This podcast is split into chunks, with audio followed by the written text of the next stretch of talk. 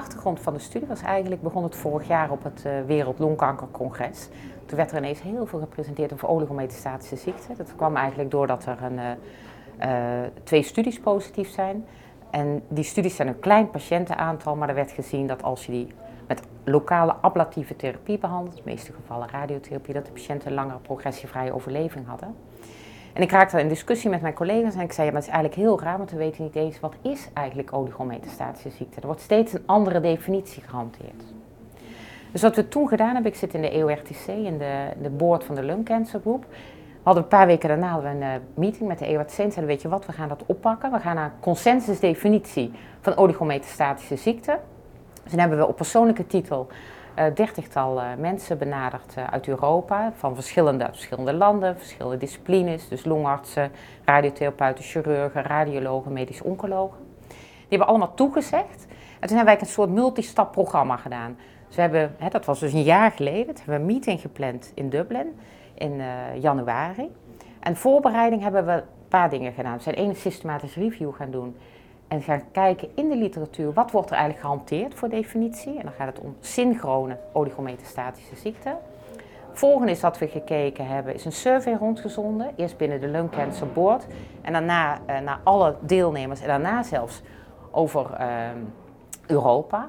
En in die survey hebben we een aantal vragen gesteld waarvan wij dachten dat zijn de vragen die moeten we proberen te beantwoorden in die consensusmeeting dus hoeveel metastase maakt het orgaan uit? Wat doe je met de lymfeklieren? Er zijn ook een aantal vragen. Dus die survey hebben we gebruikt als input. Dus één als input van dit zegt men in Europa en het andere om de vragen te maken.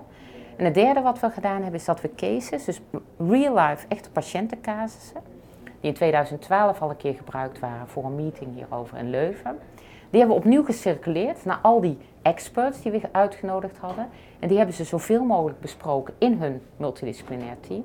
En daar hebben we de antwoorden van uh, verzameld. Nou, en die resultaten hebben we dus samen in, uh, in Dublin besproken. En op grond daarvan zijn we tot een soort consensus statement gekomen. Dus we hebben dat uh, consensus statement eigenlijk uh, geformuleerd hè, na Dublin. En uh, de data hiervan gaan we dus uh, op het Wereld Longkankercongres presenteren. Ja, waarom hier? Omdat het een mooi multidisciplinair meeting is. Het is ook een multidisciplinair consensus. Daarin uh, worden de cases gepresenteerd door Lissa, de survey, ook door Lissa Hendricks, terwijl degene die dat op zich genomen heeft, die is niet hier. En ik zal die, dat consensus statement presenteren. Ja, wat staat daarin? Het is natuurlijk geen klipklaar definitie. En dat komt omdat het natuurlijk een beetje bewegend is. Dus enerzijds zeiden de radiotherapeuten, ja, maakt eigenlijk niet uit hoeveel metastase, want als ze maar kunnen bestralen. Maar we hebben gezegd, oligo betekent weinig, hè, als je het vertaalt. Dus we hebben gegaan tot up to 5 metastase. We hebben gezegd, je moet die patiënten goed stadiëren, dus die moeten een PET-scan hebben. Als het uitmaakt voor je beleid, dan moet je ze mediastinaal stadiëren. Die moeten een MRI van het hoofd krijgen, dus je moet echt weten hoeveel uitzaaiingen zijn er. We hebben ook gezegd, die lymfeklieren, in sommige studies worden die geteld als een site voor uitzaaiingen. Hebben wij gezegd, nou dat is niet. Die zien we gewoon als een loco-regionale ziekte. Veel discussie gehad over de longmetastase, omdat die volgens de TNM is dat een M1A. We hebben toch gezegd dat we die groeperen, dus dat we die niet apart tellen als metastase.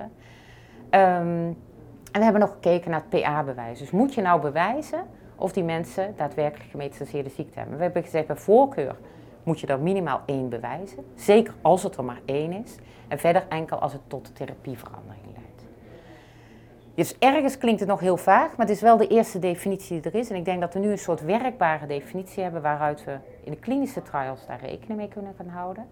En ik denk ook dat we ja, misschien gewoon over een jaar weer eens bij elkaar moeten zitten en dan eens kijken wat vinden we er nu eigenlijk van. Dus een soort uh, nou ja, echte consensusdefinitie Europees. Dat ga ik presenteren.